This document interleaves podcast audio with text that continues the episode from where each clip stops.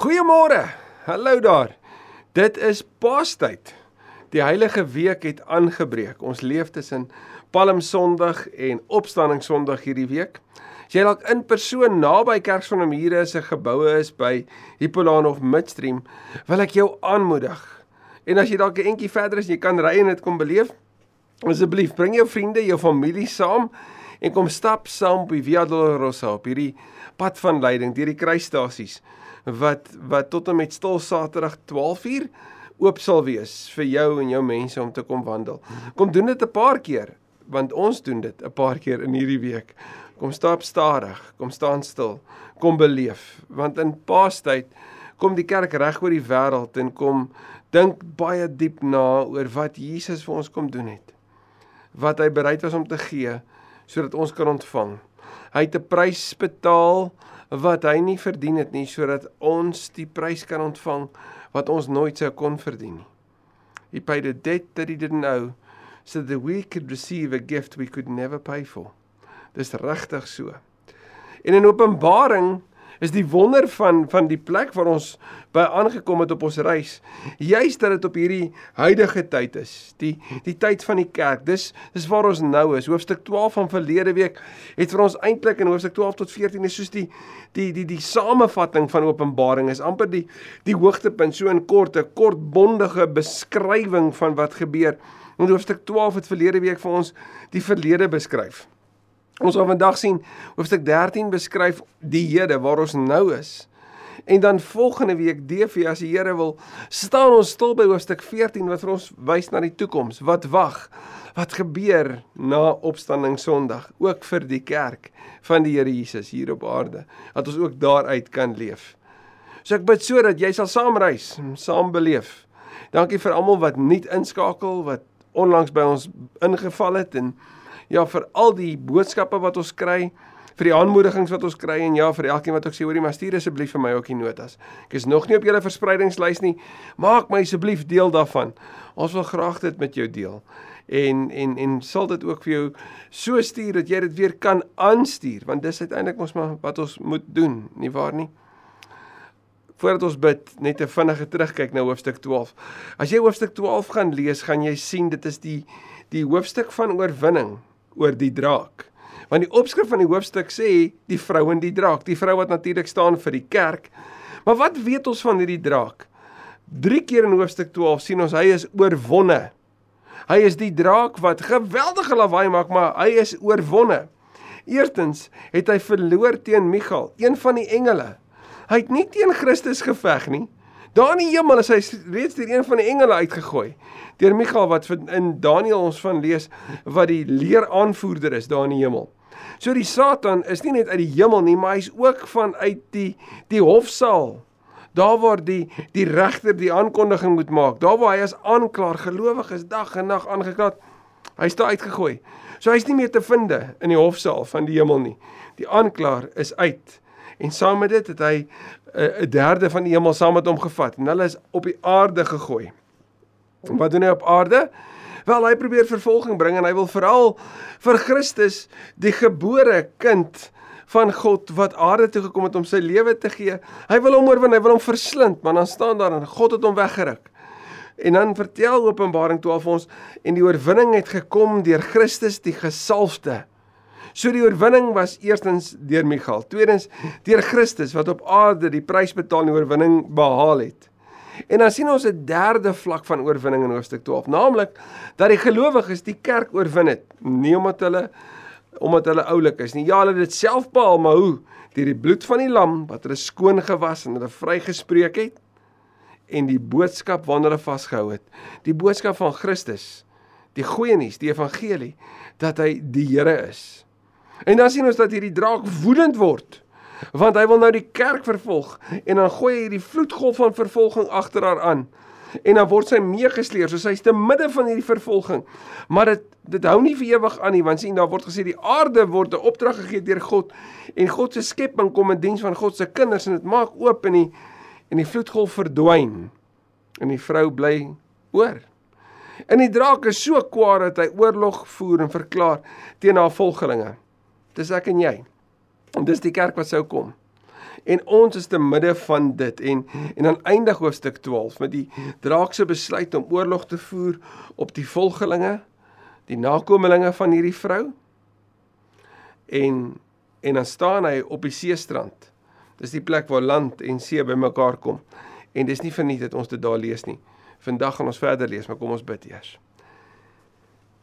Dankie ons Here vir hierdie kosbare voorreg om ook die waarheid van hierdie openbaring met mekaar te kan deel en iets daarvan te kan begryp. Maak ons oë oop dat ons kan sien, ons ore oop dat ons kan hoor.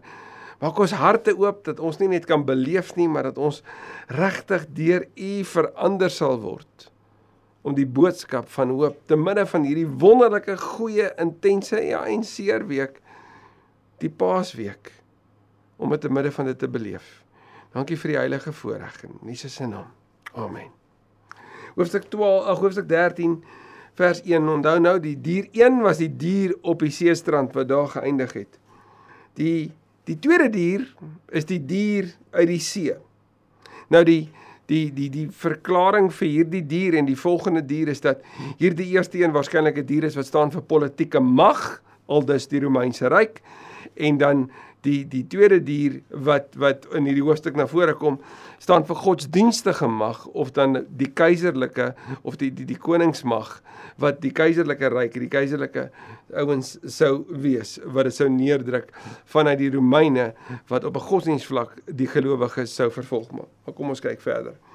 Vers 1 En toe het ek 'n dier uit die see uitsien kom. Natuurlik die see is simbool vir die vir die doderyk. Dis wat die ou antieke wêreld dit gesien het met 10 horings en 7 koppe.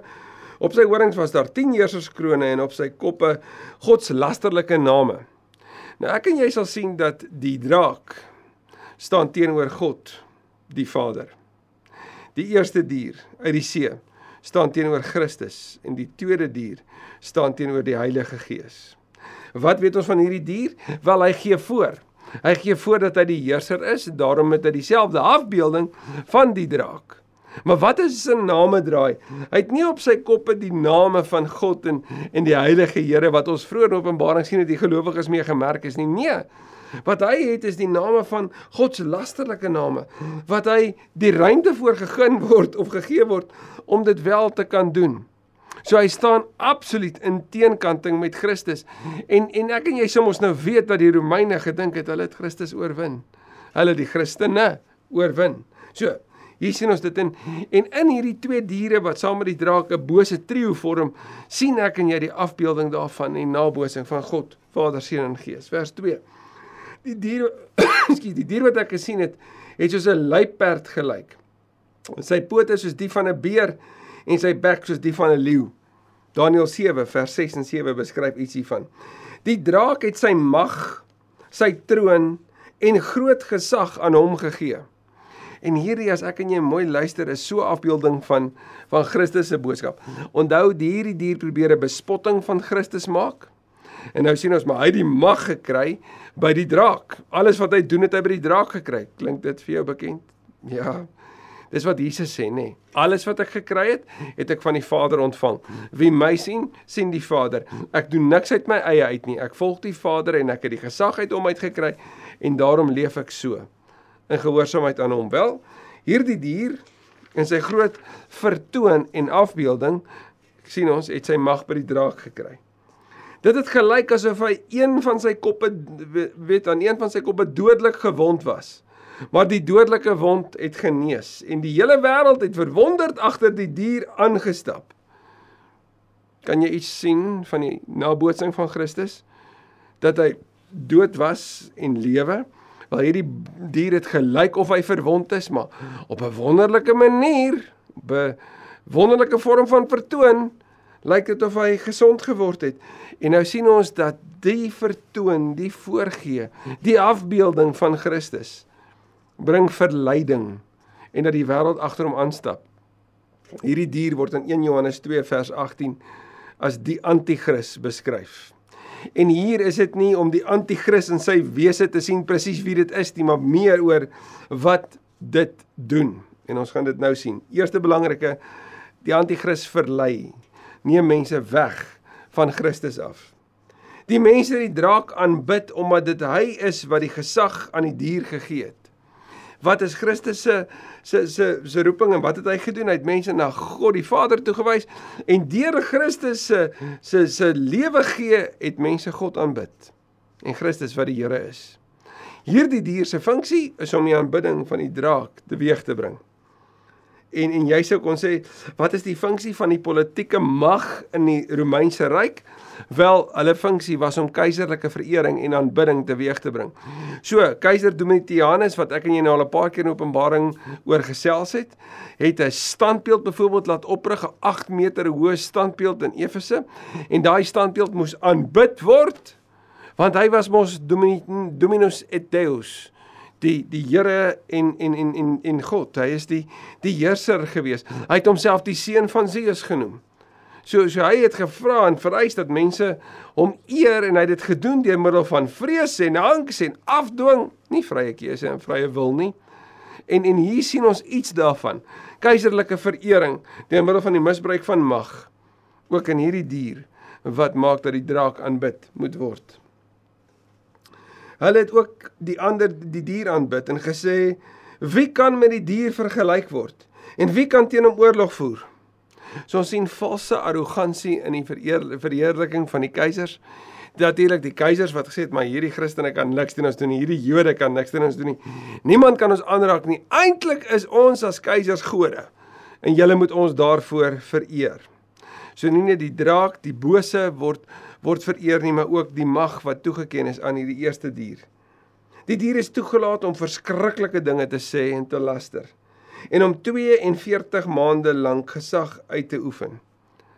Ons sien hierin weer eens hierdie 42 maande, 3 en 'n half jaar wat ons nou al 'n paar keer raak geloop het, wat aan die een kant vir ons gedui het op op Elia en aan die ander kant vir ons gedui het op die inperking van God se oordeel sien ons hier weer eens 'n inperking dat hierdie dier verskriklike dinge kan sê. Hy het 'n geleende tyd en dis die misterie van hierdie hoofstuk. Hy het 'n geleende tyd om teen God se wil verskriklike dinge aan te vang. So daar's ruimte want gelowiges het in hierdie tyd van versoeking en verleiding en van die misbruik van mag steeds die keuse om te kies vir of teen. Die mens het die keuse om te sê, gaan ek toegee aan hierdie verleiding of gaan ek vashou aan die boodskap van die evangelie? Hy het teen God begin laster en hy het God se naam en sy woonplek en die wat in die hemel bly belaster. Nou, daar word vertel dat Domitianus toe die tempel geval het, daar in die jare 66 na Christus daar rond, het hy verskriklike dinge kwyt geraak oor God, oor die mense. So hierdie verwysing na na God se woonplek is is moontlik aan die een kant 'n 'n verwysing na die tempel wat geval het en hoe daar deur die keisers daarop neergepraat is sodat aan die ander woorde in Johannes se beskrywing van hierdie dier dat dit in diens is van die Satan, in diens is van die draak, van die donker en dat die dit op die op die oog af in die huidige situasie gelyk het asof hierdie dier oorwin het want dit is hier wat dit gebeur. Hy het belaster. Aan hom is daar ook mag gegee om teen die gelowiges oorlog te maak en hulle te oorwin. sien jy dat die gelowiges dit nie teruggeveg nie. Hy het teen hulle oorlog gemaak. Hy was wreed met hulle. Die gelowiges het nie met geweld gereageer nie. Die gelowiges is oorwin. Hulle is oorweldig. En daar is gesag aan hom gegee oor elke stam en volk en taal en nasie. Nou weer eens hoor ek en jy nê dat dit die afbeelding is van Christus voor wie elke knie sal buig en elke tong sal bely. Maar aan die ander kant, die misbruik van hierdie mag het die ganse wêreld beïnvloed. En veral die gelowiges van elke volk en taal, tam en taal en nasie is is daardeur geraak. En hierdie dier het hulle oorwin. Al die bewoners van die aarde sal hom aanbid. En dit verwys waarskynlik na daai standbeeld in in die in Efese daai 8 meter beeld voor wie daar gesê is hulle moet buig en aanbid. Uh, uh na Domitianus was daar gesê dat 'n keiser wat opgewet wat, wat na vore gekom het het het mense gedwing om te aanbid andersins het hy hulle om die lewe gebring. Dit dui ook so op Nebukadneser wat daarop aangedring het dat Sadrag, Mesach en Abednego voor hom moet buig anders gaan hulle in die brandende oond gegooi word en hulle is in die brandende oond gegooi maar hulle is gered. Hier sien ons gelowiges wat nie vir oor hierdie beeld buig en dit aanbid nie, word nie gered nie. Hulle sterf. Almal wie se kyk al die bewoners van die aarde sal hom aanbid. Almal wie se name nie van die skepping van die wêreld af geskrywe staan in die boek van die lewe nie. Die boek van die lam wat geslag is nie. So gelowiges is oorwin omdat hulle dit nie gedoen het nie. Maar hier's 'n baie mooi sketsing van van God se vooraf weet. Want sien as ek en jy in 1 Petrus 1 vers 19 en veral vers 20 gaan lees, dan sê Petrus dat God se reddingsplan was was al eintlik vas gewees voor die die aarde geskep is. So God se bedoeling was van die begin af om verhouding met mense te wees. En in die mense vermoë om verkeerd te kies, het nie God se liefde gestop nie. Hy was bereid om in sy skepping die mens nie te los nie, maar deel te word daarvan, die prys te betaal om hierdie verhouding te herstel sodat die mens vanuit God se liefde en nuwe lewe kan leef en dit kan begryp want ons sou nooit geweet het hoe lief God ons het as dit nie vir die kruis was nie. En Johannes sê hierdie mense wat hierdie boodskap glo en dit hulle eie gemaak het, hulle name is al van die begin af in die boek van die lewe geskryf. Nou hierdie boek van lewe is natuurlik 'n register in die burgerskap weet van die hemel. 'n register van burgerskap. Wat sê jou naam is in. En vir die gelowiges wat ten tye van Johannes geweldige vervolging beleef het, het hierdie soveel troos gebring. Soveel kalmte. Want al word ons vervolg, al word ons oorwin, al verloor ons ons lewens in teen die leeu's daar in die Kolosseum. Al word ons op brandstapels verbrand. Ons bely Jesus is die Here want ons weet die lam het oorwin en hierdie lewe is niks in vergelyking met wat Johannes vir ons herinner aan wat wag nie.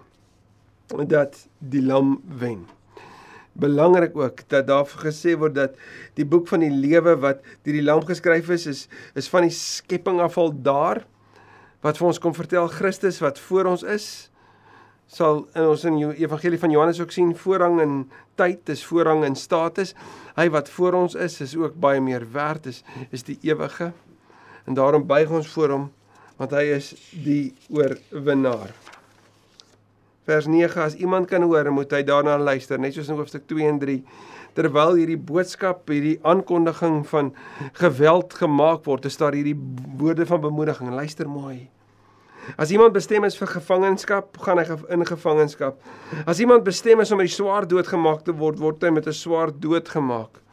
En die interessant is, dis gewoonlik wat met die die gelowiges gebeur het wat ongehoorsaam was, wat ongelowig geword het in die Ou Testament. Hulle is gestraf met gevangenskap. Hulle is gestraf met oorlog, met, om met die swaard doodgemaak te word. Maar nou gebeur dit nie met met met mense wat ongehoorsaam is nie. Nou gebeur dit met die gehoorsaames. En die Here sê dis wat gaan gebeur. Van julle gaan in die tronk gegooi word en dit het vra maar vir Johannes die Doper. Vra vir Paulus, vra vir Silas. Van julle gaan doodgemaak word. Wel, vra daai ganse lys van apostels, hulle sal dit vir jou kom sê. En hoe moet gelowiges te midde van hierdie wêreld waarin dit gebeur, waarin so onregverdig is, hoe moet hulle optree? Daar sê daar's daarom sê Johannes daar in in die einde van hoofstuk ehm um, 13 vers 10.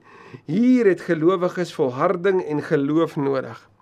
Hierdie woorde wat konstant so in hoofstuk 2 en 3 van Openbaring na vore kom. Volharding, vasbyt, hoofstuk 12 van Hebreërs sê dit ook. En geloof, hou vas aan wie God is. Sien volharding is om vas te staan.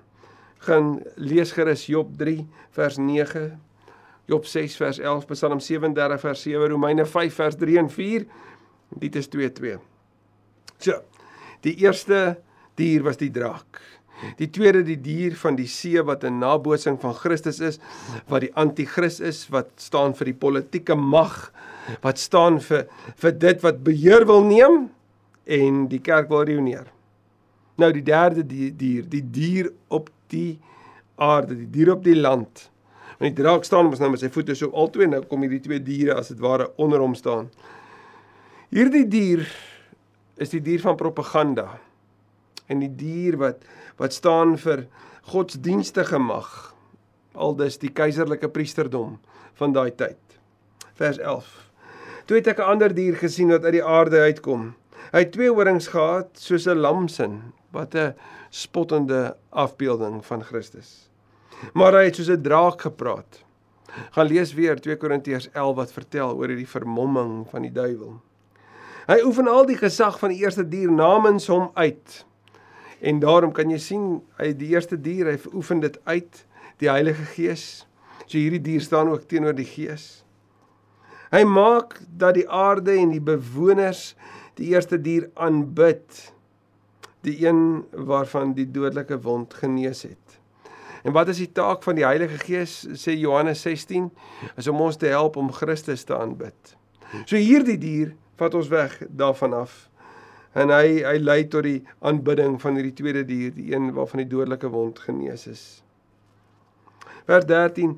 Hy doen groot tekens sodat hy selfs vuur van die hemel op die aarde laat kom vir die mense om te sien. So hierdie dier is vol vertoon, vol voorgee en die mense staan verwonderd oor sy kulkunsies. Vers 14: En hom is daar mag gegee om wondertekens namens die dier te doen. Waardeur hy die bewoners van die aarde mislei en jy sien dit het vertel van die draak dat hy die die misleier is. Dis waarmee hy besig is. Hy gee voor en as jy nie wys is nie, sal jy val daarvoor. Hy sê die bewoners van die aarde ook aan om die beeld op te rig vir die dier wat die litteken van die slagmes het en wat weer lewend geword het. sien jy die bespotting van Christus hierin? Die litteken van die slagmes kom vertel ook iets van die merk wat hy het is nie van die spies wat deur sy sy is nie, maar van 'n litteken van 'n slagmes. En hierdie slagmes van dis wat hy kom doen.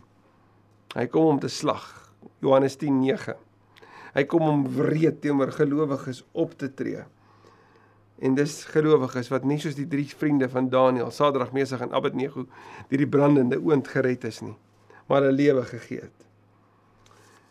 Dominitianus se 8 meter standbeeld, as dit nie aanbid is nie, het mense met die slagmes getref.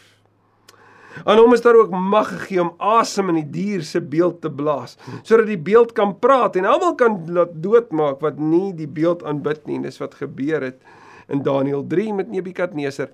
Dis wat gebeur het met Domitianus nadat die beeld opgerig is. Maar dit vertel ook vir jou en my van van die voorgeen in Handelinge 9 ag Handelinge 8 vers 9 tot 24 gaan ons van Simon Malchus lees. Simon die die man wat voorgegee het, Simon Malchus en deur deur sy voorgee en sy kulkunsies het hy mense verskriklik beïndruk. En toe loop hy vir Filippus raak en hy sien die evangelie in aksie en hy kom tot bekering. En later sien hy die krag van die Heilige Gees en hy sê maar ek soek ook daarvan en dan sê Petrus vir hom hoor hierso gaan na die verderf toe met dit wat jy dink jy met die Here wil maak. En dan kom hy radikaal tot bekering en sê asseblief dat dit nie met my gebeur nie. Maar sien daar word vertel dat Simon Magus gesê het hy kan standbeelde lewend maak. Ons sien deur vertoon en voorgee, deur toneelspel, kon al die towerkunstenaars ook van daai tyd vir mense die illusie laat beleef dat beelde kan praat. En en hier sien ons dit. Hy verplig al die mense, klein en groot, ryk en arm, vryes en slawe om 'n merk op hulle regterhand en op hulle voorkoppe te dra. Nou hier kom ons by die merk en en ek weet dis nou hier wat ons geneig is om vorentoe te beweeg en te sê ek wil meer weet. Maar kom ons vat dit stadig. Eerste belangrike ding. Hierdie merk is vir almal, so dit kan nie 'n kredietkaart wees nie. Dit kan nie 'n 'n inspuiting wees met 'n met 'n antivirus nie. Dit dit dit dis nie iets wat net vir 'n bepaalde tyd vir 'n bepaalde groep mense kan wees nie. Hierdie is vir alle mense van alle generasies, van alle tye, so dit is ietsie anders as wat ons dit geneig is om te dink, nê? Nee? Dis met ander woorde nie te vind binne 'n bepaalde energiedrankie nie. Dis iets groter. En wat kom doen dit? 1. Die merk word gebring op jou hand. Wat wat sê? Die hande was wat jy doen. So die merk van die dier is sigbaar in die dade. En op jou voorkop. Nou wat is naby jou voorkop? Jou denke. So die merk van die dier is sigbaar in jou denke. So wanneer hierdie dier kom om te merk, dan word die boosheid sigbaar in die dade en die denke van die volgelinge. Dis waaroor dit gaan. Dis die punt hiervan. Hy verplig al die mense, klein en groot, ryk en arm, vryes en slawe om 'n merk, om 'n kyk mooi verplig.